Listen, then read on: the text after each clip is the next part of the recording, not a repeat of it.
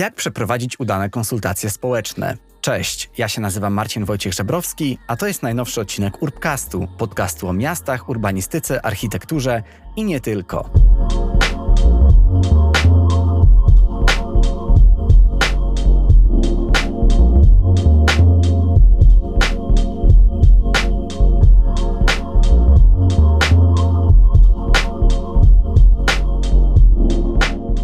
Bardzo miło mi powitać Ciebie w kolejnym odcinku Urbcastu.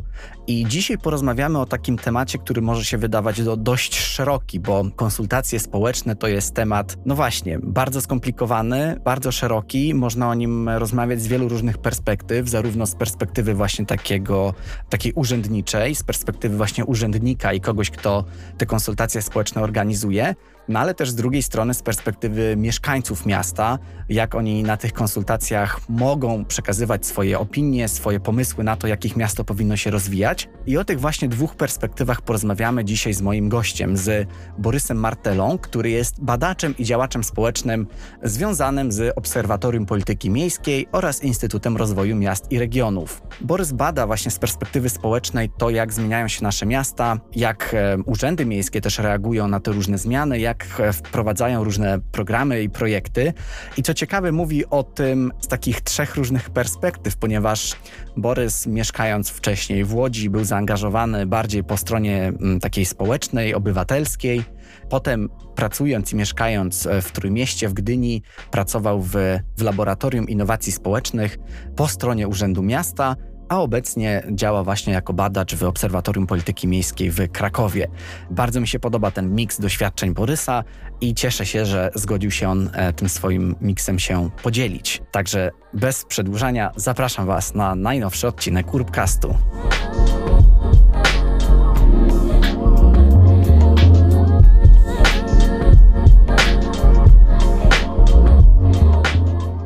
Chciałem Cię, Borys, serdecznie powitać w, w Urbcaście. Cześć. Cześć Marcin.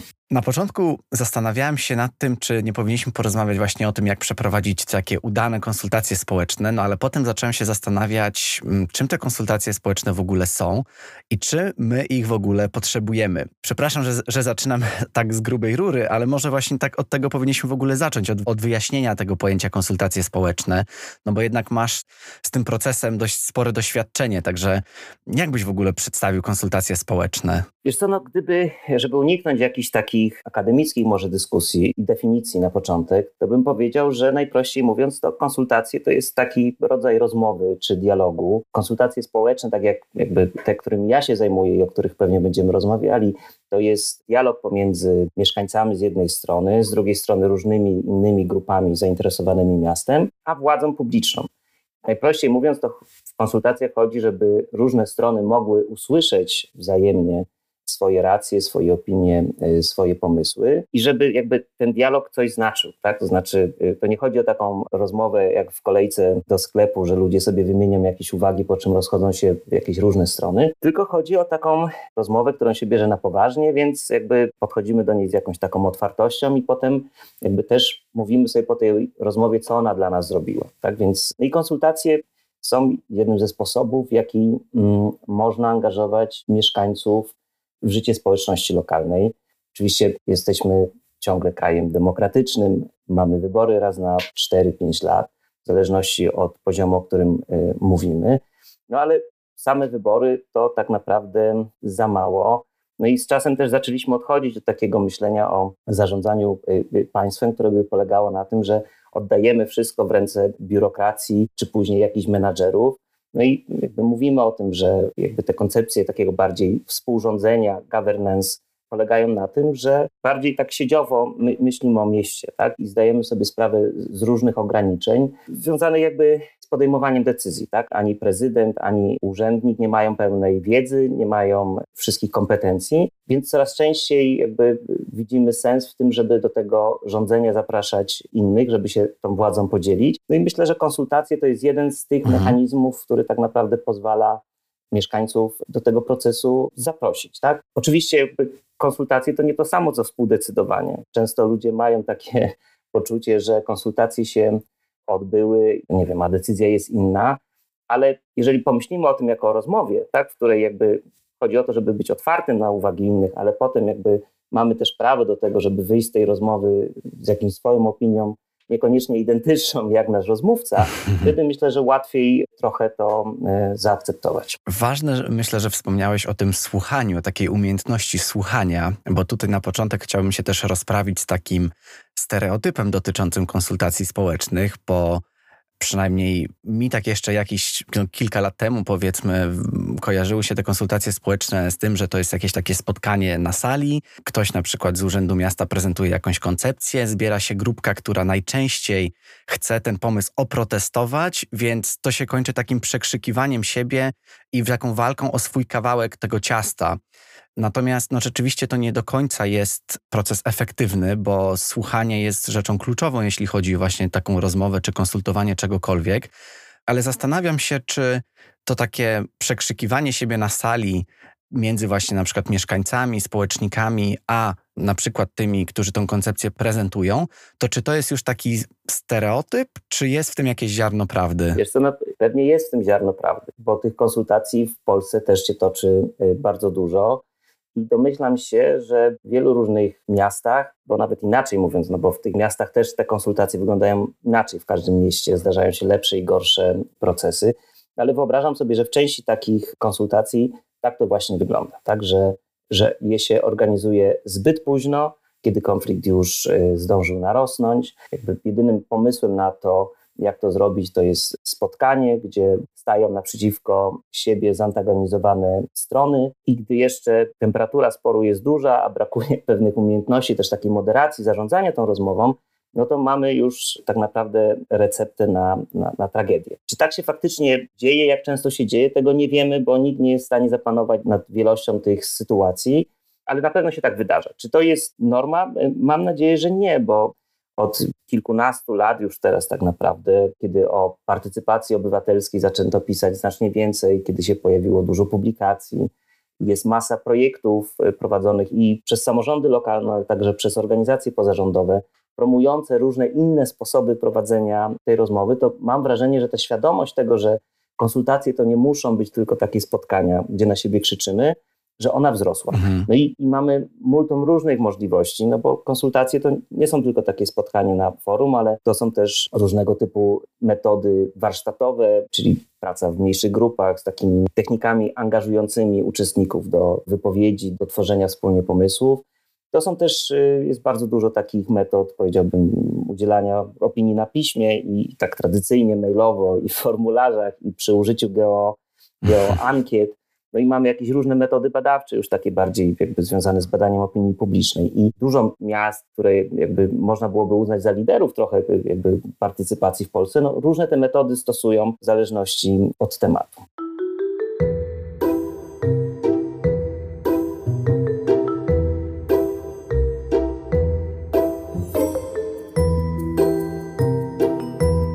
Tutaj płynnie właśnie myślę, że do tych miast moglibyśmy przejść, bo mnie też bardzo interesuje to, z jakimi ty się spotkałeś praktykami, no bo jesteś e, badaczem, działaczem społecznym i było ci dane mieszkać w wielu różnych ciekawych miastach w Polsce, takich jak Kraków, Gdynia czy Łódź. No myślę, że to jest fajny też rozstrzał, również geograficzny. Także porozmawiajmy o tym, jak właśnie wyglądały jakieś takie dobre przykłady konsultacji społecznych, w które byłeś zaangażowany po którejś ze stron. Czy jest jakieś takie miasto, które sobie radzi z tym najlepiej, a, a które z nich, które radzi sobie gorzej? Tu zawsze się pojawia trudność w ocenie. Ta trudność polega na tym, że miasta nie są monolitem. Tak naprawdę. Że we wszystkich tych przypadkach, czyli i Łodzi, i Gdyni, i Krakowa, mówimy o bardzo dużych i ośrodkach, i też dużej administracji. I w ramach jakby tego, co miasto robi, tych konsultacji no czasami jest kilkanaście, kilkadziesiąt rocznie. No i niektóre są lepsze, inne są gorsze. I też ta ocena, jakby trudno sformułować jakąś obiektywną ocenę. To znaczy kiedyś, pamiętam, był taki raport w 2018 roku Fundacji Schumana pod tytułem Miasto Obywatelskie. No i w tym raporcie próbowano stworzyć ranking miast, które sobie radzą najlepiej i które najgorzej z konsultacjami i wzięto pod uwagę kilka wskaźników obiektywnych. Ta metodologia niespecjalnie mnie przekonała, bo według mnie ciężko to na podstawie takich właśnie ilościowych wskaźników miasta rangować. Plus dwa, no z perspektywy tych miast, które obserwowałem z bliska, wiem, że te dane, które trafiły do fundacji, one też nie były najlepsze, wobec czego ten wynik był wypaczony. Tak jak mówią informatycy, garbage in, garbage out. Tak? Jeżeli wrzucamy śmieciowe dane do środka, no to otrzymamy śmieciowy wynik. Krótko mówiąc, obiektywnie się tego ocenić nie da, ale ja spróbuję jakoś się odnieść do tego subiektywnie, mhm. z takim zastrzeżeniem, że chciałbym, żeby słuchacze też wiedzieli, że ja występowałem w tych miastach w różnych rolach. To znaczy, w Łodzi byłem członkiem organizacji pozarządowych, inicjowałem, organizowałem konsultacje, często we współpracy z miastem, ale tam faktycznie czułem się bardziej takim działaczem trzeciego sektora, co sprawia, że pomimo mojej dużej jakiejś takiej dużego zrozumienia dla urzędników, no, jestem najbardziej krytyczny wobec tego miasta. To jest moje miasto rodzinne, na nim mi zależy. Ale nie byłeś krzykaczem? Nie, nie. Byłeś? Mam wrażenie cały czas, mam taką nadzieję, że, że nie wyszedłem na krzykacza, wręcz jakby próbowałem różne te głosy mitygować. A w Gdyni z kolei już byłem urzędnikiem, tak, i pracowałem dla miasta, pracowałem w Laboratorium Innowacji Społecznych, to jest taka jednostka miejska, więc tam za pewne procesy jakby odpowiadałem i no, też nie mam wobec nich odpowiedniego dystansu. A w Krakowie już jestem bardziej chyba użytkownikiem jeszcze nawet niż obywatelem, więc wszystko tutaj odbieram raczej z perspektywy bardziej zdystansowanego jeszcze obserwatora. Mhm. Tyle zastrzeżeń. Więc jeżeli chodzi o Łódź, to miasto, do którego podchodzę najbardziej krytycznie, to mam wrażenie, że to jest miasto, które bardzo chętnie mówi o partycypacji i na poziomie, i mówi od takiego poziomu wartości, że mieszkańców należy angażować, tworzyć im przestrzeń do tego, żeby oni współdecydowali o mieście. I co jakiś czas jakby pojawiają się takie wystrzały, powiedziałbym, w komunikatach miasta, no i albo to są albo jest to pomysł na to, żeby w budżecie, mm, na budżet przeznaczyć 100 milionów złotych, to było dawno, dawno temu. Potem po kilku latach nagle miasto zaproponowało plan wprowadzenia do Łodzi, do zarządzania partycypacji 2.0, czyli jakiegoś jakościowego skoku. Ostatnio przygotowuje się nową strategię miasta, no i też się mówi o tym, że to jest taki moment, kiedy już to miasto powinno być współrządzone przez mieszkańców. No i na poziomie jakichś takich deklaracji języka to wszystko ładnie wygląda, natomiast no, z punktu widzenia praktyki to śladów tych wielkich koncepcji nie widać i, i mam takie poczucie niewykorzystanej szansy, bo e, znam część urzędników pracujących w mieście, też tam doszło do do wzmocnienia tej ekipy, która zajmuje się dialogiem i mam wrażenie, że potencjał jest znacznie większy. Natomiast chyba ze strony władz miasta to jest tak, że jest większa wola, żeby o tej partycypacji mówić i się nią chwalić, nawet czasami opowiadać o tym, że się jest stolicą polskiej partycypacji, niż ją faktycznie tam robić.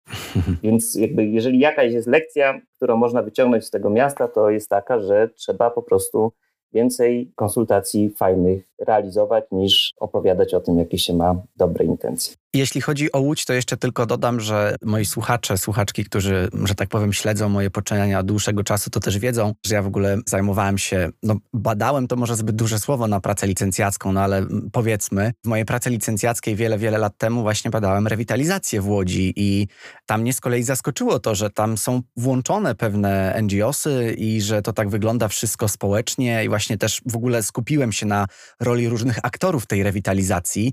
No i mi ta Łódź jakby tak naprawdę zaimponowała tym, że rzeczywiście możemy mówić o wielu różnych wadach, różnych inwestycji, różnych, różnego typu zarządzania, tak? Ale jakby miałem takie poczucie, że kurczę, rzeczywiście tam, tam ta rewitalizacja też dzięki projektom pilotażowym ma się w miarę dobrze. Czy uważasz, że to się z biegiem czasu zmieniło w którąś ze stron, w sensie na lepsze czy na gorsze? To jak się właśnie angażuje różne jednostki właśnie z różnych stron tak naprawdę, tak? Różnych graczy. Wiesz co, no i znowu, no tutaj dochodzimy do tych rzeczy, o których próbowałem przestrzec na samym początku, tak? Że mamy do czynienia z subiektywnymi pewnymi odczuciami, opiniami, mhm. a druga kwestia jest związana z tym, że tych procesów mamy bardzo dużo w mieście. No i jeżeli chodzi o rewitalizację, no to był taki moment, tak, no wtedy jeszcze mieszkałem w mieście i się temu przyglądałem, kiedy też samorząd pozyskał środki e, zewnętrzne na przeprowadzenie takiego tych pilotażowych analiz, na zrobienie diagnozy, na, na przygotowanie pierwszego, nie pierwszego dla miasta, ale programu rewitalizacji. No i wtedy były prowadzone różne działania takie związane z konsultacjami, włączaniem mieszkańców. W urzędzie pracowała Hanna Gil-Piątek, pracował Jarosław Ogrodowski, którym też te rzeczy leżały na sercu. Tak? Wiem, że później e, też wprowadzono bardzo wiele fajnych pomysłów, jakichś latarników e, obecnych w terenie i myślę, że to działa. Przynajmniej działa do pewnego stopnia. Natomiast ja się odnoszę ogólnie do innych konsultacji, które się w mieście toczą i które które obserwowałem i mam wrażenie, że czasami one kończyły się tym, że był przygotowywany duży raport, wszystkie uwagi były wrzucane, odnosili się do tego przedstawiciele różnych wydziałów, tak, no i powstawała taka właściwie trudna do strawienia książka, kilkadziesiąt stron różnych pomysłów mieszkańców, do których się odnosili jacyś szeregowi urzędnicy, no i potem jakby prezydent już tylko mechanicznie to podpisywała. No i też pamiętam jakby te, te, rozmowy, które toczyliśmy wewnątrz urzędu i też jak wiceprezydentom zwracaliśmy uwagę, że pewne konsultacje mogłyby być lepiej prowadzone, no to słyszeliśmy, że, że no, ale my się ciągle tej partycypacji jeszcze uczymy, no ale to jakby jak się słyszy mhm. rok, drugi, trzeci, to faktycznie można y, uznać, że ten proces nauki trwa, no ale jak to trwa piąty, szósty, siódmy, no to, to nie do końca. No a w międzyczasie, wiesz, no, zadziały się w Łodzi inne rzeczy, które odbieram krytycznie, jest kwestia ciągle budżetu obywatelskiego. To taki proces, w który byłem zaangażowany na samym początku, no ale który też wymaga jakby wprowadzania ciągle nowych zmian. I tych zmian od kilku lat nie ma w takim stopniu, jak myślę dużo aktywistów miejskich by oczekiwało. Trudno jest y, zmodyfikować ten proces, prowadzić w niego trochę więcej dyskusji albo zrównoważyć po prostu siły wnioskodawców związanych z instytucjami i niezwiązanych, więc to jest na pewno kłopot. No i też miasto prowadziło zmiany, które ograniczyły na przykład możliwości działania w, w radach osiedli, który jest takim najniższym mhm. poziomem samorządu. Więc te pomysły i obietnice, wiesz, jakiegoś większego współrządzenia do końca nie wierzę i patrzę na nie dosyć sceptycznie, bo tak jak mówię, już nie pierwsze hasło takie rewolucyjne w Łodzi słyszałem.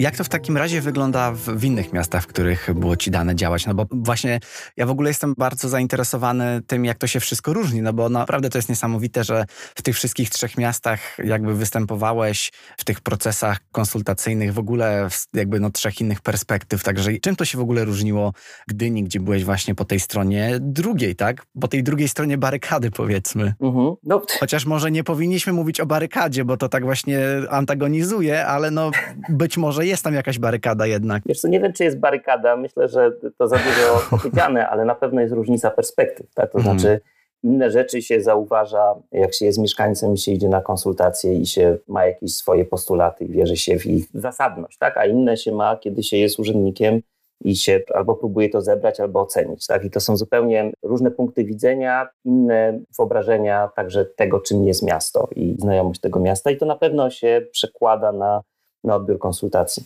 Ja w Gdyni miałem bardzo komfortową sytuację, bo pracowałem w, w takiej nowo utworzonej jednostce miejskiej. Podlegaliśmy bezpośrednio pod y, Michała Gucia, który jest wiceprezydentem y, też od lat w Gdyni i który wywodzi się z sektora pozarządowego. Mam takie poczucie, że mieliśmy i pewną wspólnotę wartości i, i też zostałem od razu przyjęty do pracy z jakimś takim dużym kredytem zaufania. Ja byłem zaangażowany przede wszystkim w robienie takich konsultacji dotyczących albo no, tak nam się trafiły, tak, to były takie różne, w sytuacji, kiedy nagle wychodziły jakieś sprawy, którymi się w mieście trzeba zająć i nie było takiego gospodarza tych tematów, no to y, takie mhm. sprawy trafiały właśnie do Laboratorium Innowacji Społecznych, czyli do LISA to były albo konsultacje dotyczące parku centralnego, czyli takie utworzenia czy modernizacji terenu z dominacją zieleni, albo jakieś konsultacje dotyczące organizacji ruchu. Mieliśmy konsultacje poświęcone połączeniu dwóch dzielnic, gdzie był właśnie duży spór, czy tam należy postawić wiadukt drogowy, czy może kładkę pieszo-rowerową, co ma oczywiście olbrzymi wpływ na jak ten ruch w ramach dwóch dzielnic by wyglądał w tym miejscu. I to są te tematy, którymi ja się zajmowałem, ale jednocześnie jakby śledziłem to, co robi zespół od rewitalizacji, bo też tam Gdynia jest ciekawym przykładem rewitalizacji, bo to chyba jedno z nielicznych miast, w których obszary rewitalizacji znajdują się poza centrum. To inaczej na przykład niż w Łodzi, gdzie wszystkie zjawiska kryzysowe zdefiniowano w śródmieściu, które też dzięki temu zyskuje nową infrastrukturę. No w przypadku Gdyni wybrano miejsca poza centrum, które w diagnozie wyszły jako kryzysowe trochę byłoby mi głupio się chwalić jakimiś, nie wiem, naszymi metodami czy sposobami robienia konsultacji, ale wydaje mi się, że w przypadku tych procesów, o których mówię, czyli jakby tych, za które odpowiadał Michał, to interesujące było to, że on się aktywnie włączał w rozmowę na ten temat. To znaczy i uczestniczył w, w dyskusjach dotyczących tego, jak zorganizować te konsultacje, jakie metody wybrać ale potem też bardzo aktywnie czytał nasze raporty i wnosił wnioski z tych raportów na posiedzenia kolegium prezydenta.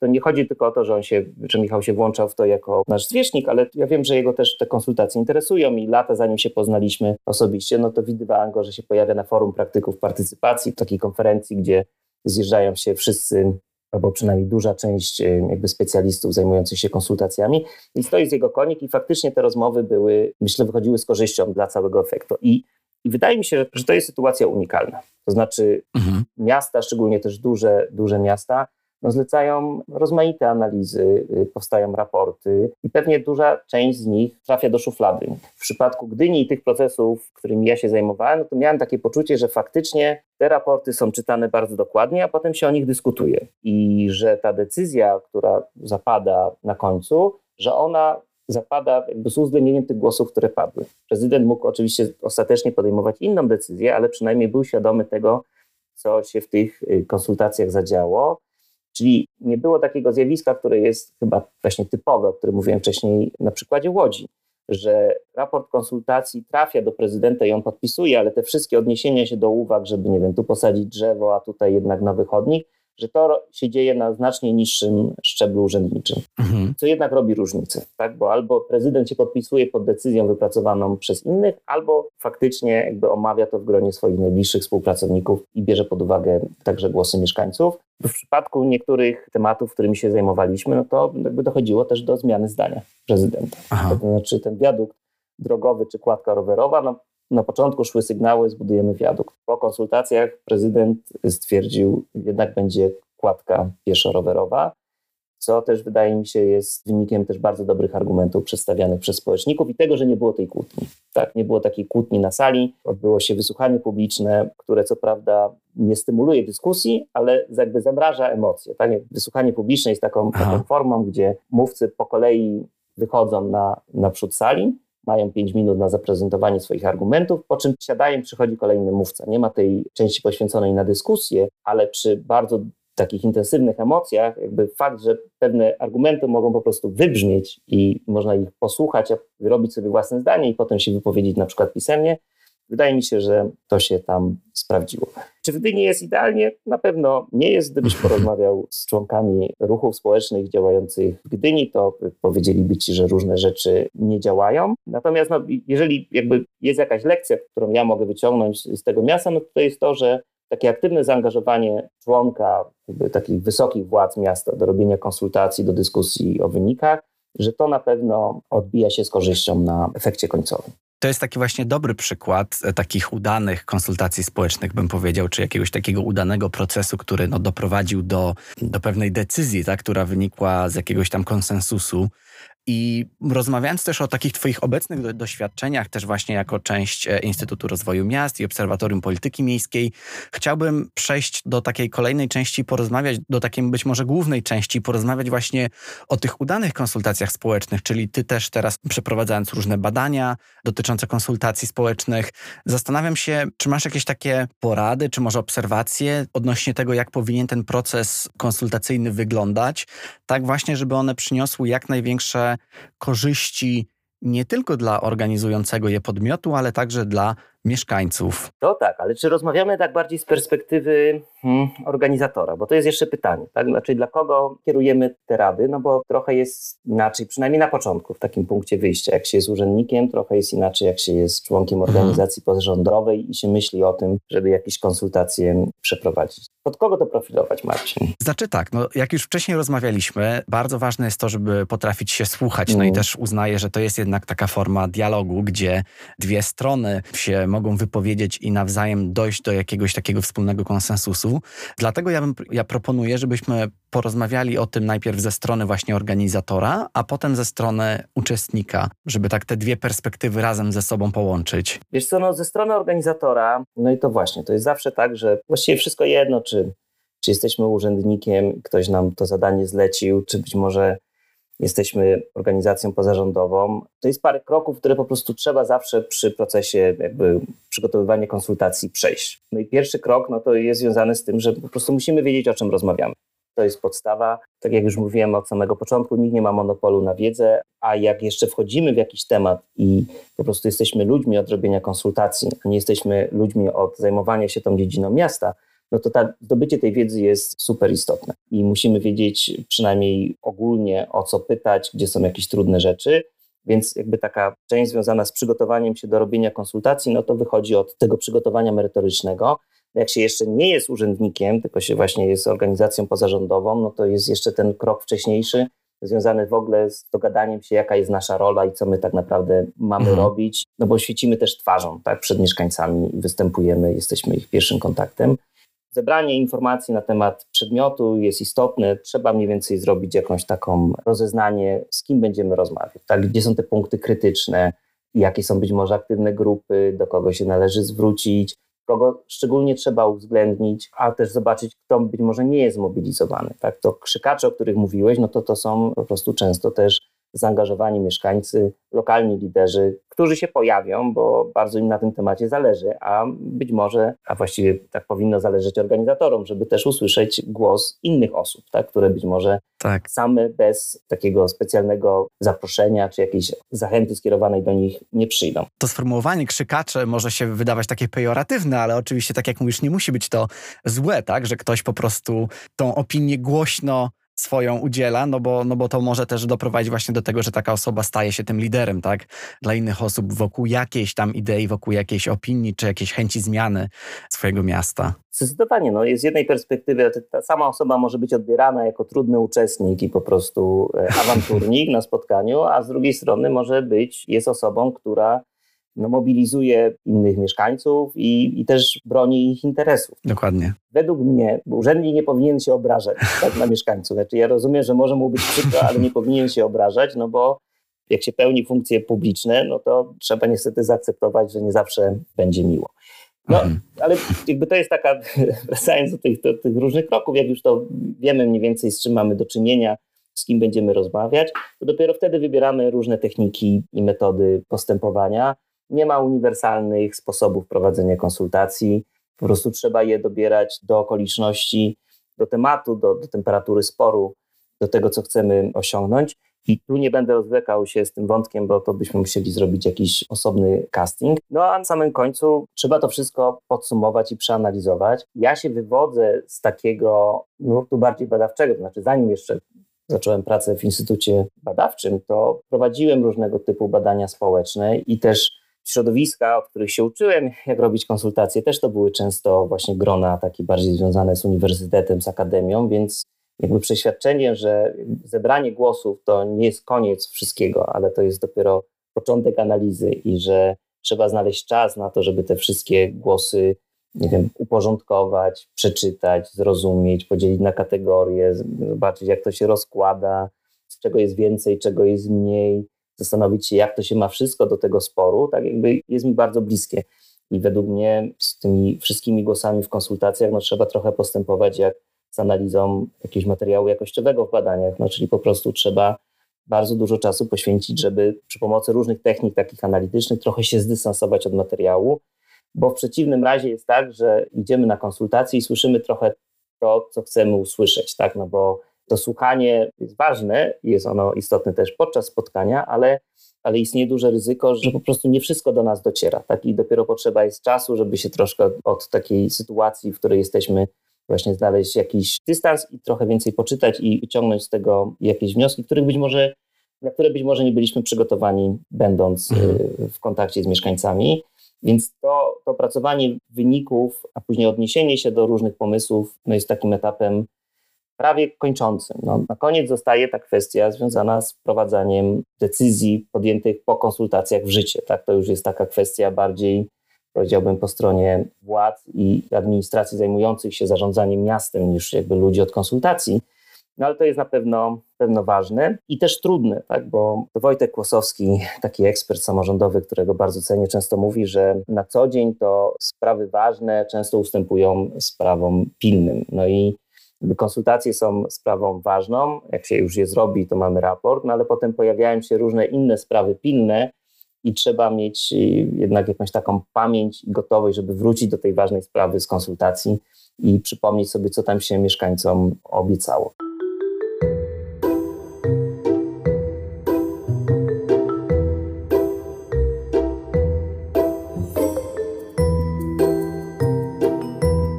Uprzedziłeś trochę moje kolejne pytanie. Dobrze, że też to poruszyłeś, bo mnie zastanawiało właśnie, co się dzieje po konsultacjach, bo konsultacje społeczne to nie jest jakiś taki punkt, tak, na osi czasu, gdzie, gdzie one się dzieją i, i tyle. I mówimy, odbyliśmy konsultacje społeczne, więc cieszę się, że, że poruszyłeś ten aspekt, no bo wydaje mi się, że to jest kluczowe, tak, czyli jak efektywnie wykorzystać zdobyte podczas tych konsultacji dane, tak. Mówiłeś o tym, że to nie ma, że trzeba podejść jak do takiej analizy i w oparciu o tą analizę podjąć dalsze decyzje, ale właśnie bardzo ważne jest to, żeby no nie przepalić też tej energii, budżetu, finansów i to mówię o energii zarówno urzędników, jak i o energii mieszkańców na to, żeby, żeby te konsultacje zrealizować, a potem nic z nimi nie zrobić potem, tak? No bo to chyba nie ma nic bardziej takiego zawodu, tak? Jeśli się udzielamy i poświęcamy swój prywatny czas na to, żeby jednak wpłynąć na jakieś e, decyzje, a potem się okazuje, że nic z tego nie będzie. Tak, no to jest oczywiście fatalna sytuacja, kiedy konsultacje się odbywają, a potem się okazuje, że nie dość, że znaczy władze je nawet podsumują czasami, tak, ale nie powiedzą, jaką podejmą decyzję, więc właściwie nie wiadomo, nie wiadomo, czy no nie ma żadnego słowa, za które można się złapać i powiedzieć, no ale przecież powiedzieliście, że zrobicie tak i tak. Więc jakby no, mhm. super kluczowe i to się niestety nie dzieje w większości regulaminów. Kiedyś robiliśmy badania dotyczące partycypacji publicznej, przyglądaliśmy się dokładnie różnym regulaminom prowadzenia konsultacji, takich ogólnych w mieście, no i widzieliśmy, że co prawda no, taki punkt, że konsultacje muszą być podsumowane, to się pojawia, ale co dokładnie ma być w tym podsumowaniu i że na przykład ma być decyzja prezydenta, no to już nie zawsze. Więc ja myślę, że gdybym miał jakiś, mówić o jakiejś dobrej praktyce, no to jest na pewno, ona miałaby polegać na pewno na tym, że po konsultacjach nie tylko trzeba zebrać wszystkie głosy i jakoś odnieść do poszczególnych z nich, ale także napisać jakby co będziemy robić z tym dalej. Mhm. I tutaj biorąc pod uwagę, że jest tak dużo pilnych spraw w samorządzie, to według mnie, i to jest być może kontrowersyjne, ale że decyzja prezydenta też powinna być sformułowana dosyć prosto i krótko. Znaczy to, że w raporcie konsultacji jakby urzędnicy średniego szczebla czy niższego szczebla odniosą się do wszystkich pomysłów mieszkańców, to jest oczywiście miłe, pozytywne, każdy może wejść do raportu i poszukać swojego, swojego głosu, ale ostatecznie to jest ważne, żeby usłyszeć po prostu którą stronę prezydent będzie działał dalej, tak? Znaczy, czy będzie ta, ten będzie wiadukt, czy będzie kładka, tak? No i to jest jakby klucz konsultacji. Albo co się ma zadziać w parku, tak? Czy to ma być, nie wiem, park, który jest parkiem zdominowanym przez zieleń, czy park, którym będzie dużo różnych innych atrakcji. I według mnie nie ma sensu tego rozdrabniać na bardzo wiele różnych innych czynników, bo potem się okaże, że nie wiem, władza powie, dobra, zrobimy w parku, zrobimy plac zabaw, gdzie będzie pięć urządzeń, będzie, nie wiem, 15 ławek, tak, a tutaj, nie wiem, blisko tego skraju parku posadzimy takie albo inne krzewy. No i jakby nikt o tym nie będzie pamiętał za rok. Na etapie przygotowywania projektu wyjdą jakieś inne uwarunkowania techniczne, które okażą się, że część tych pomysłów jest po prostu niemożliwa do zrealizowania.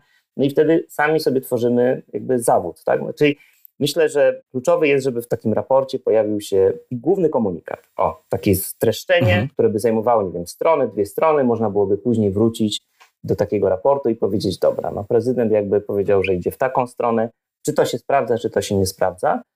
Myślę, że takie krótkie podsumowanie pokazujące główny kierunek działań, że to jest przydatne i dla mieszkańców, do tego, żeby mogli monitorować, kontrolować to, co się dzieje, no i także dla władzy, no, która ma w międzyczasie wiele innych dyskusji i mhm. nikt nie ma czasu codziennie czytać bardzo długich raportów, więc też potrzebuje jakiegoś przypomnienia, żeby wiedzieć, co ma zostać wykonane.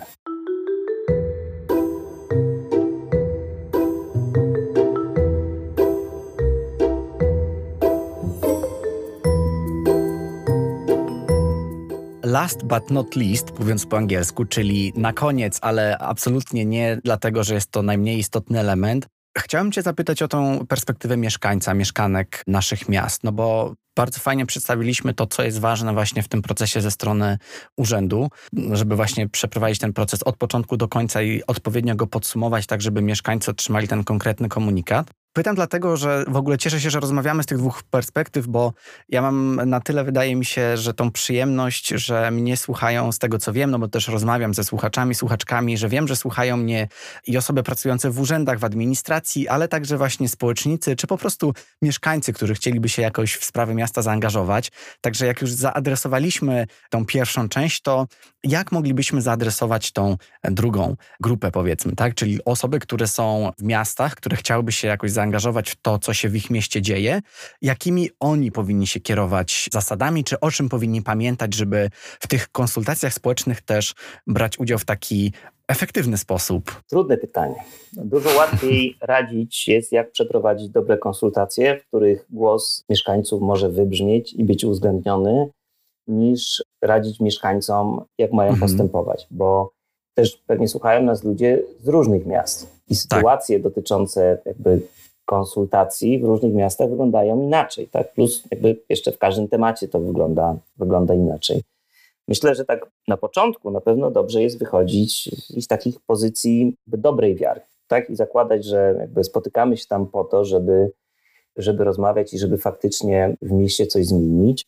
No a później poobserwować to, co się dzieje i mówić też sprawdzam, tak? I patrzeć, czy ta nasza dobra wiara nie została nadwyrężona, tak? Czy faktycznie jest jakaś przestrzeń do dyskusji i, i czy to raczej jest sytuacja, w której jest szansa na jakąś kooperację i współpracę, czy być może jest tak, że no, nie wiem, akurat z tymi osobami pracującymi w urzędzie przy tych tematach, no, trudno jest się porozumieć i trzeba bardziej naciskać niż rozmawiać, tak? No bo jakby konsultacje są tylko jednym z wielu różnych narzędzi włączania mieszkańców.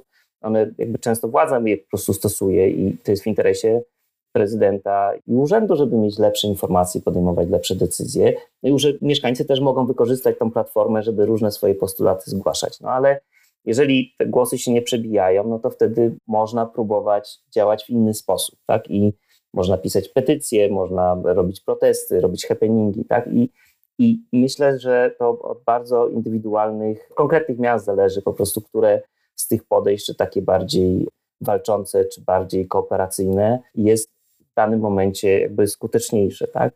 Na pewno w konsultacjach warto uczestniczyć, warto patrzeć, co się dzieje z tymi głosami.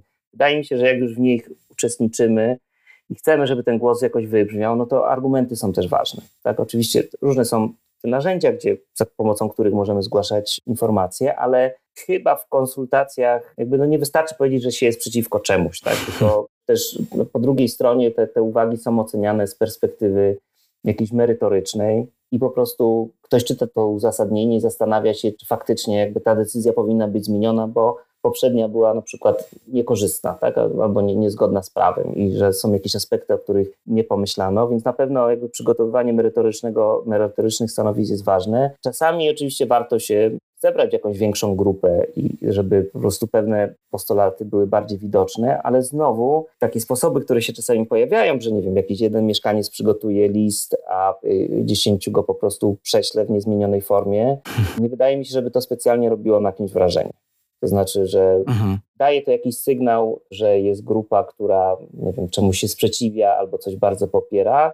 Natomiast chyba częściej wewnątrz jest to odbierane jako dowód na istnienie jakiejś grupy nacisku, Aha. niż na takie przeświadczenie, że o, to nagle wszyscy mieszkańcy są przeciwko tym naszym propozycjom, skoro 10, 50, 100 osób wysyła dokładnie to samo.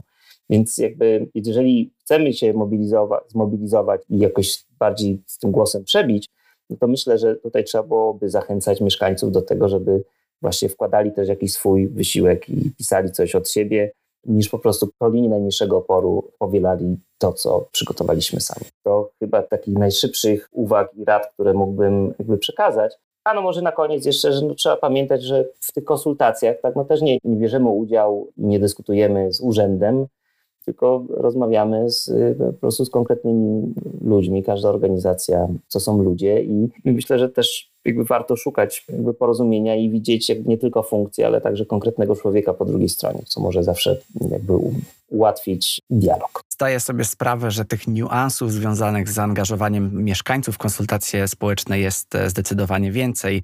Natomiast e, tutaj format podcastu chciałbym właśnie przytoczyć takie podstawy, więc tutaj od razu zaznaczam, że oczywiście zdaję sobie z tego sprawę, że może jest to taki początek dyskusji w Urbcaście dotyczący konsultacji społecznych i że o tym temacie można powiedzieć dużo więcej, ale chciałem Ci póki co, Borys, bardzo podziękować za to, że przedstawiłeś tą taką ogólną perspektywę, mam nadzieję, że w taki przystępny sposób dla słuchających nas osób. I na sam koniec chciałem Cię jeszcze poprosić o polecenie książki. Czy udało Ci się być może znaleźć coś związanego z tematem naszej dzisiejszej rozmowy? Owszem, a czy mogę dwie? Tak. czy mogę polecić dwie? No to super. To jedna taka rzecz, która chyba nie wiem, czy to jest książka, czy bardziej broszura, na pewno jest dostępna w PDF-ie i ona myślę, że może być dobrym prowadzeniem do tego, jak robić konsultacje, jak o nich myśleć i o takich wielu tych zasadach, o których jakby wspomniałem dzisiaj. To jest pozycja Dagmira Długosza i Jana Jakuba Wygnańskiego. Obywatele decydują, przewodnik po partycypacji społecznej.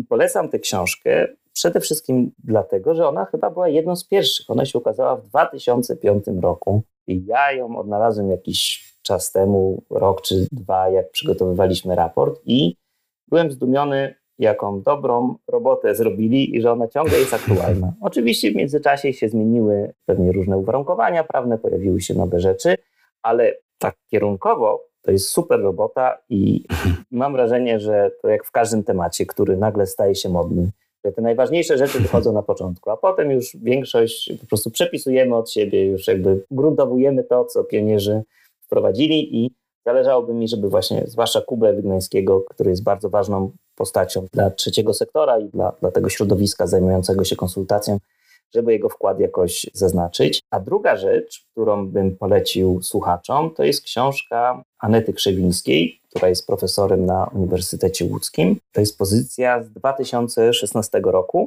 pod tytułem Deliberacja, idea, metodologia, praktyka. I myślę sobie, że to jest y, rzecz na pewno godna uwagi, bo o do deliberacji w kontekście konsultacji społecznych, budżetów obywatelskich mówi się bardzo dużo. Mamy panele obywatelskie, które wprowadza Marcin Gerwin, które też są takim narzędziem kładącym duży nacisk na dyskusję. No ale ta deliberacja często jest właśnie rozumiana bardzo prosto i wybiórczo. I myślę, że książka Anety Krzewińskiej jest, jest dobrym miejscem, żeby sobie pewną wiedzę, intuicję poukładać, żeby zrozumieć, że nie każda dyskusja musi być deliberacją, no i też, żeby zobaczyć, jak, jak się ta deliberacja ma do budżetów obywatelskich albo jak ją można robić. Bardzo fajna książka, chyba stosunkowo nieznana, gdzie jest y, i trochę teorii, i opisów interesujących praktyk. Serdecznie polecam. Borys, bardzo dziękuję za te polecenia i oczywiście również za naszą rozmowę. Dzięki, że jesteś częścią Urbcastu. Dzięki. Do usłyszenia.